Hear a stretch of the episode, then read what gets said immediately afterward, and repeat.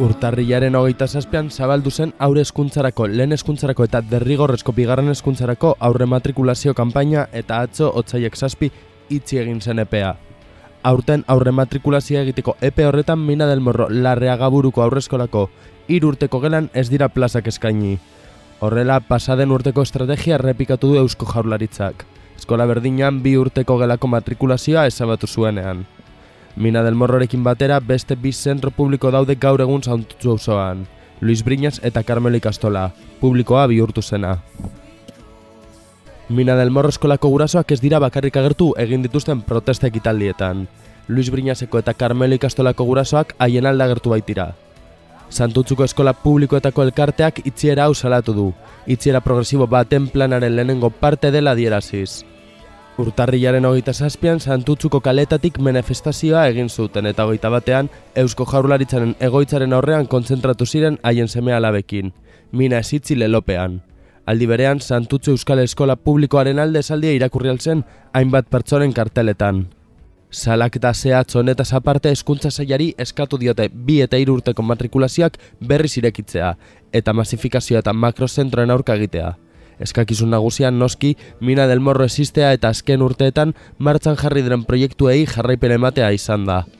Jasotako kritikak lehen eipatu den aurrematrikulazio kanpainaren aurkezpen ekitaldian erantzun ditu Kristina Hori Arte Zailburuak. Santutzun beste bi eskola publiko existitzen direla gogoraraziz. Aldi berean, hartutako erabakia zentzuzkoa dela saldu du zailburuak. Mina del Morron familien eskariak bere egin duela salduz. Hala ere, Uriartek argitu nahi izan du, hausoko plazeska ere igotzen badela, lerro berri bat irekiko duela Karmelo ikastolan. Uriartek gai honi amaiera mateko mina del morro larrea gaburuko ikaslek lehen eskuntzako zikloa bukatu halko dutela adierazi du. Adierazpen honek itziera progresiboaren kezka areagotu du.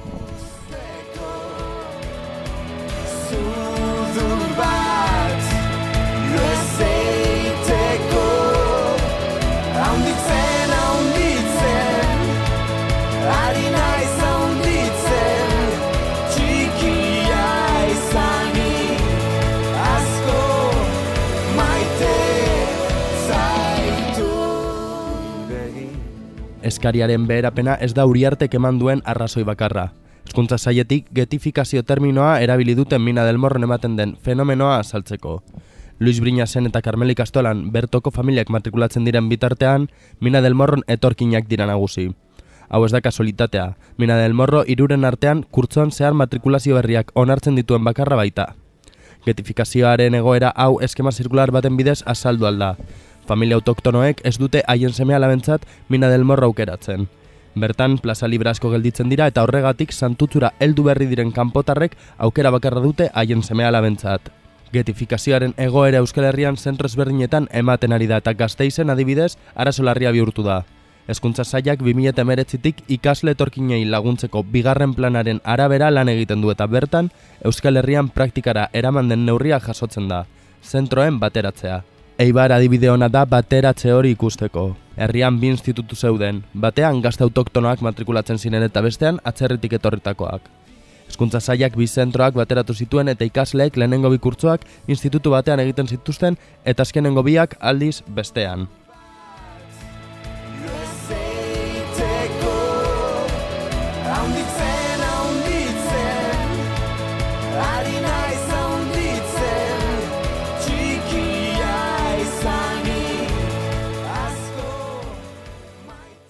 Mina del Morro eskolako zuzendaria daukagu gaur gurekin egoeraren inguruan hitz egiteko eta bera jasotako informazioa argitzeko. Ongi etorri, ane hortu ondo? Apa, eguno, arratzaldeon parkatu. Arratzaldeon. Azteko, bueno, nola jaso zenuten berri hau, eskolaren itzieraren berri, edo maia bezeatz horren itzieraren berri? Bueno, ba, ba prinsipioz eguke eh, abenduaren emeretzean jaso gendun eh, haoz eh, itzieraren berri, eta ba, tristeziakin. Egia da ez gendula espero eta ba, bueno, ba, jakinera ziziguten printzipioz e, ikasturte honetan e, bi urteko gelako matrikula esan ireki eta horrengo ikasturtera begira ezala matrikularik irekiko eta e, datorren urtera begira ba hori ba e, bi urteko gela hori ba, Carmelo edo Luis Briñazen esku geratuko zela. Eta horren ondorioz, ba, bueno, ba, eraikina ba, bi eskoletako batek hartuko zuela. Egin ziguten proposamen bat, eh, guk eh, adostu, ez eta ba, horren e, alegazioak egiteko. Pasaden urtean ere zuen buruak behartuta ikusi zenituzten bi urteko gela iztera. E, ze arrazoiak jaso zenituzten momentu horretan edo zein izan zen eskuntza zailaren jarrera? Bai, bueno, gukon hartu behar dugu azken urteetan e, Mina Elmorrolarra gauru eskolan e, matrikula epean oso matrikula gitzi jasotzen digutela, bai, e, jasotzen ditugula. Izaten dira bi iru lau matrikula eta gero epeskampo jasotzen ditugu matrikula pilo bat. Baina guk ikusten genuen gaurre gaurkoz e, irurteko gelan amasei ikasle izanik, ba, izango genuela horreri buelta emateko baina bueno, ba, saiatu ginen, e, bi urteko gela ireki, matrikula batzu jaso genituen epeskampo, baina bueno, beste ikastetze batzuetara bideratu zituzten, eta bueno, ba, horren ondorioz ba, zinen apur bat ikusten, ba, bueno, ba, gure eskolaren etorkizuna ba, esela oso argia, eta bueno, ba, ba, keskarekin, keskarekin. Astelenean delegaritzen egon zineten, zein da jaso zenuten azkenengo informazioa? Bai, bueno, gu delegaritzan egon ginen e, e, aste artean, eta ba, bertan esan ziguten, ba, bueno, gu oso kezkatuta saltzen ginen, ba, hemendik aurrera zein izango zen gure ikaslek izango zuten arreta edo ze baldintzatan egon ginen egongo ginen gure eraikinean. Eta bueno, Eusko Jaurlaritzatik ematen den mesua da, ba, beraik ziurtatzen dutela, urrengo sortzi urteetan, hau da, irurteko gelan dauden eh, ikasleek, aukera izango dutela bukatzeko lehen eskuntzako etapa. Baina, ba, kezkandiarekin ikusten dugulako, ba, urrengo urteetan, ba, gure ikaslegoa kopuru asko jitziko dela, ez, ba, e, gure familiak oso kopurutzua dira, e, txikiak dituzte atzetik, eta horiek, familia horiek ez dute izango aukerarik bi urteko gelan matrikulatzeko, hiru urteko gelan aukerarik ez duten izan bezala, eta horren ondorioz ba, ikusten dugu ba, estampidarako ba, aukera. Ez? Familiek ez duten nahi, baina aurkituko dira egoera baten, ba, bueno, posatzen dut ba, denok jokatuko genukela horrela, ez? Badukau aukerarik gure seme alabak bi urteko gelan matrikulatzeko, ba, nagusiek ere, ba, beste irten bide bat topatu beharko dugu, edo nagusientzako. Badakizue bai. jada ofizialki mina del morroren itziera, susmatzen duzuen bezala urte urtekoa izango den, edo urrengo urtean la urteko gelean matrikulatzeko aukera itziko da, edo itziera progresiboa susmoa da bai, bakarrik oraindik. Eh, guk printzipio ze jasotzen ditugun matrikula asko eta asko izaten dira epeskampu. Duan horrek mm -hmm. eskolaratze bat zorretik pasatzen dira eta eusko jordaritzak erabakitzen duen matrikulatu. Orduan, e, progresiboa izango da, beraiek esaten dute eusko jordaritzak ziurtatzen du eskola ez dela itziko. Bai, aukera izango dutela bertan bukatzeko, baina ikusten duguna da ba, ba, hori albidetzea oso zaila dela oso saia dela, segia da, ba, modu baten edo beste boz, ikasle gitzirekin egongo dela, orduan, ba, ba, zailtasun handiekin auzkituko gara. Horrelako egoera batean zaila izango da kurtzoa normaltasunez aurrera eramatea, ez da? Bueno, ba, sortu da zurrumbio guztiarekin oso zaila da, familiak urduri daude, ikaslako urduri daude, eta, bueno, ba, beldintza eta lan egitea ez da erreza. Ez da erreza. Baina, bueno, jarraitzen dugu ilusiarekin, eskola eraldatzeko e, aukerak ikusten ditugu, eta bueno, guk e, irakaslegoak, familiak, ba, ikusten dugu horretarako aukera, eta jarraituko dugu sortzi urte baldin badira ere, ba, borrokatzen e, hori bete dadin. Esan duzunaren ariran, mina del morroko gurasoek salatu dute eskolak duen baliabide falta, baina hala ere lan egiteko gogo azpimarratu dute, ados zaude adierazpen hoiekin? Bueno, egia da oso klaustro aberatza daukagula, oso implikatua, eman aldena baino asko zere gehiago ematen dute, eta gaur egun e, minal lan egitea ez da errez. Ez da errez, ba, gehien bat horregaitik ilusia egon da orain arte, eta oin ba izan da apur bat, ba, ba galtzai esentzazioa edo ba ez dakit ez genuen kontatzen hau gertatu e, litekenik edo baina bueno, eh, klaustroa oso oso indartu daude, familiak lan egiteko gogotzu, parte hartzen dute hainbat ekintzetan, eskolaren parte dira egunero, elkarbizitzan kriston lan egiten ari dira, eta bueno, ba, horrek apur bat e, aberazten du gure proiektu. Getifikazioa izan da hezkuntza saiak eskaini duen arrazoi nagusia zentroa pizkanaka pizkanaka izteko, e, uste duzu estrategia egokia dela getifikazio hori auzoan ekiditzeko? Ba, ba zintzoki guk pentsatzen dugu ez Bai, guk pentsatzen dugu ez uste dute gaineranik azpimarratuko nuke gaur egun mina elmorro ez dela geto bat, e, aukera badala, osea, arreta zuzena emateko aukera bat, ordua ba, aldarrikapen horregaz, edo ditzoiekin ez dugu bat egiten. Ez dugu bat egiten, e, ez dugu uste eskola bat iztea modua dela e, getifikazioari aurre egiteko eta gehien bat barduratu daude gaude urrengo sortze urteetan eukingo dugun egoerarekin. Ja. Oso ikasle gitzi eta eta zaia, egoera oso zaia. Ez dakit hori, hori dan neurri bat e, getifikazioari aurre egiteko, nik esango nuke ez. Bai. Bukatzeko, ane, mina del mor, bueno, esan duzu getifikazio terminoarekin ados ez zaudela eta ez dela mina del morro eskolan aplikagarria, baina eskuntza zaiak hori erabili du egoera deskribatzeko eta galdetu behar dizut estrategia zehatzen bat ematen zen eskuntza zaietik getifikazioari buruzko informazioarekin edo hori ekiditzeko plan batekin egun hau, e, urtabuetan barkatu. Bueno, prinsipioz eh, auzoari suposatzen da beraik erantzuna ematen diotela horrela, eh, gu ez gaude ados, e, uste dugu mina del morro e, larra gaburu eskola urrengo urteetara begira askunde naturalarekin betetze horrek ez duela ziurtatzen getifikazioaren aurka egiteak. Zara, irutzen zaigu, azkenean guke gure ikastetzetik hitz egiten dugu, egunera aurkitzen garen errealitatearekin eta aurrera begira ez dugu ikusten e, inklusiorako aukerarik. Orduan beraz, ez dakit getifikazioa, segregazioa, ez dakit uste eta bat urrun geratzen direla realitate honetatik. Ba, eskerrik askoanen, Mina del Morro eskola, egoera hau barrutik nola bizitzen ari den kontatzeagatik. Vale, venga, ba, eskerrik asko. Agur, eskerrik asko. Agur, agur, bai.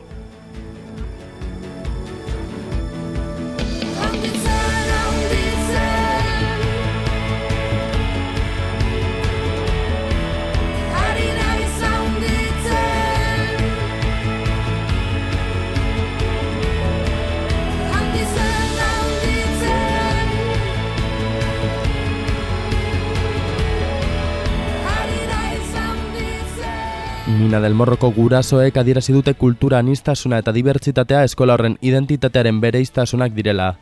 Antolaturik kontzentrazioetan aukera berri bat eskatu dute umeak maila guztietan matrikulatu alizateko. Gainera azpimarratu dute haien ustez familientzat garrantzi handiko gaia dena. Oraindik matrikulatu gabe dauden umeak haien anai arreben eskola berdinean matrikulatzeko aukera izatea.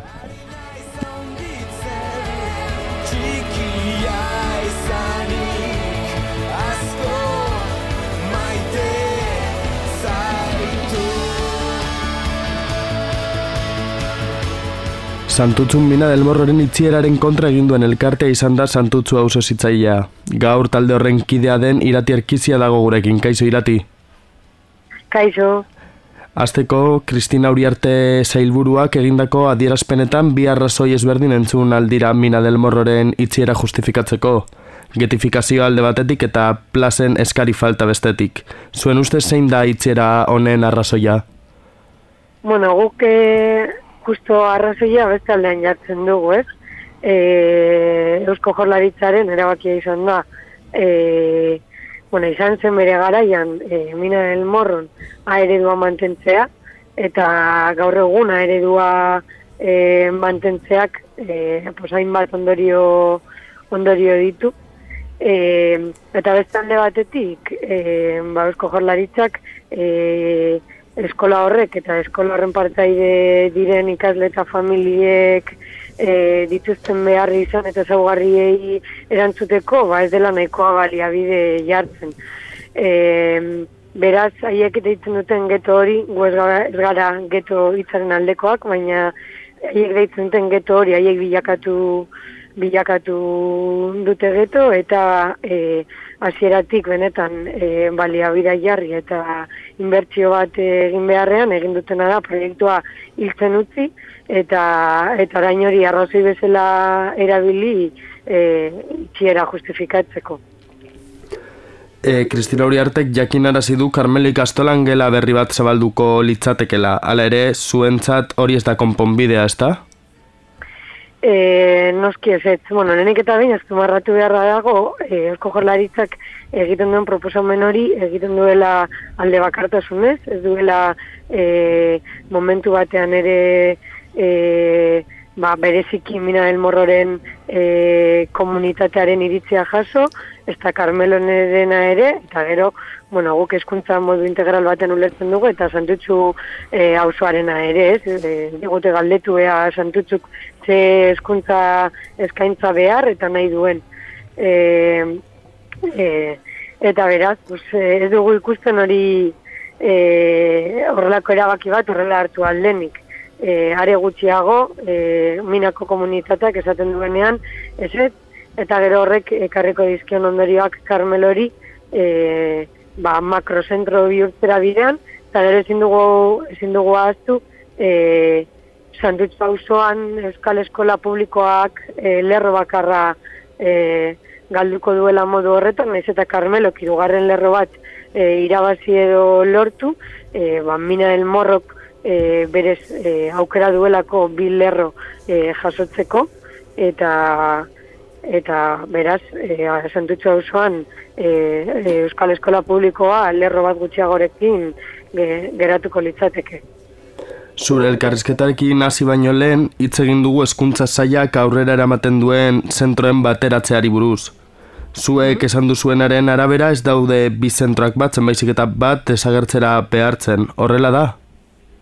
E, bai, bai, hasieratik e, Eusko Jorlaritzak e, egin duen proposamenean e, ondo izlatzen da, nola ez den, e, ez den proposatzen Carmelo eta Minaren arteko fusio bat, baizik eta ba, Mina del Morroko e, de txikienen matrikula e, itxe egin du, ez du aukerarik e, e, jarri, jada iaztik, e, bi eta aurten irurtzeko gelan matrikulazio berririk e, jasotzeko, tardan haiek egiten duten proposamena da, ba, bueno, mina del morrok bere horretan iraungo duela, azken e, generazioa e, eskola tikirten arte, eta eta ja da modu horretara desagertuko litzateke.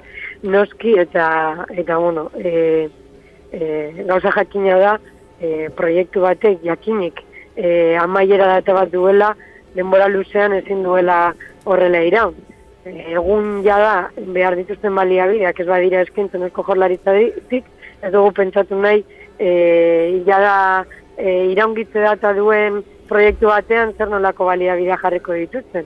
Eta ze e, irakasle, ze profesional egongo den prez, e, jada maitutzat jotzen den proiektu batean indarra jarri eta ilusio berdinarekin jarraitzeko.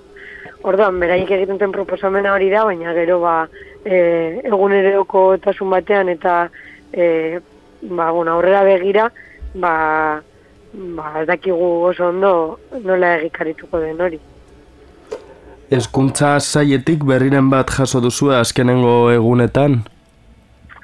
E, bueno, e, ni hausoko ezkuntza plataformaren kide naiz, aizialdi kaldeko parte nintzen duela gutxi arte, eta horrez gara ni e, zitzaia ere ban naiz, irakaslea ere ban naiz, eta Eta zen nik kontaktu zuzenik ez daukaz badakit, ba, bueno, eskoletatik eta ba, ba direla ari ba, hien harremanak izaten eta kontaktua izaten, baina guk eskuntza plataforma bezala ez. Eta eskuntza plataforma zuek nola aurre ikusten duzuen mina del morroren egoera? Bueno, guk eh, eskuntza plataforma bezala ez, e, hauzo ikuspegi batetik, e, ikusten dugu, bueno, ba, gure lana momentu honetan, e, oso garrantzitsua dela bat, ba, mina del morroko gatazka usora ekartzen eta, eta bueno, transmititzen ez, nahiz eta mina del morro itxi nahi duten eskola konkretu bat izan, ba, bueno, ba dela ausoko eskuntza dela kaltetua ateratzen dena, eta beraz, auzotar guztion e, ardura dela ba, gai honi e, gai honi heltzea. Orduan, ba, bueno, gure lana da e, e, gaia kalera ateratzea eta oso bezala ba, Mina del Morroko komunitate osoari ba, gure babesa adieraztea eta ba, bide beretik e, lan egitea. Bukatzeko irati EH Bilduk Mina del Morroren egoera plenora eraman du eta LAF sindikatuko babesa jaso duzue. Nola espero duzuek garatzea Mina del Morroren hausia instituzioetan?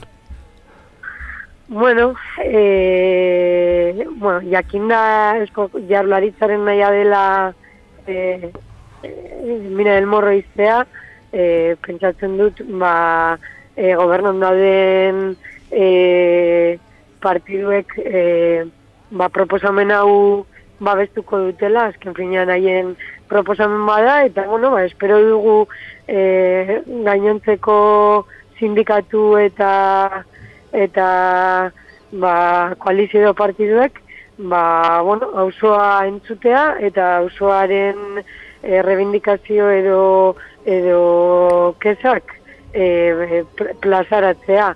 Guk argi dugu gure, gure lekua e, kalea dela, baina, bueno, e, instituzioetik ulertzen dugu e, kalitatezko hezkuntza bat helburu duen orok, ba, guk dioguna defendatu beharko lukeela. Ba, eskerrik asko zure parte hartzagatik irati eta esan duzunez itxaron beharko da jakiteko zein den hausionen konponbidea. Bai, hori da, ikusiko da bai. Eskerrik asko irati. Bai, zuei. Agur. Agur.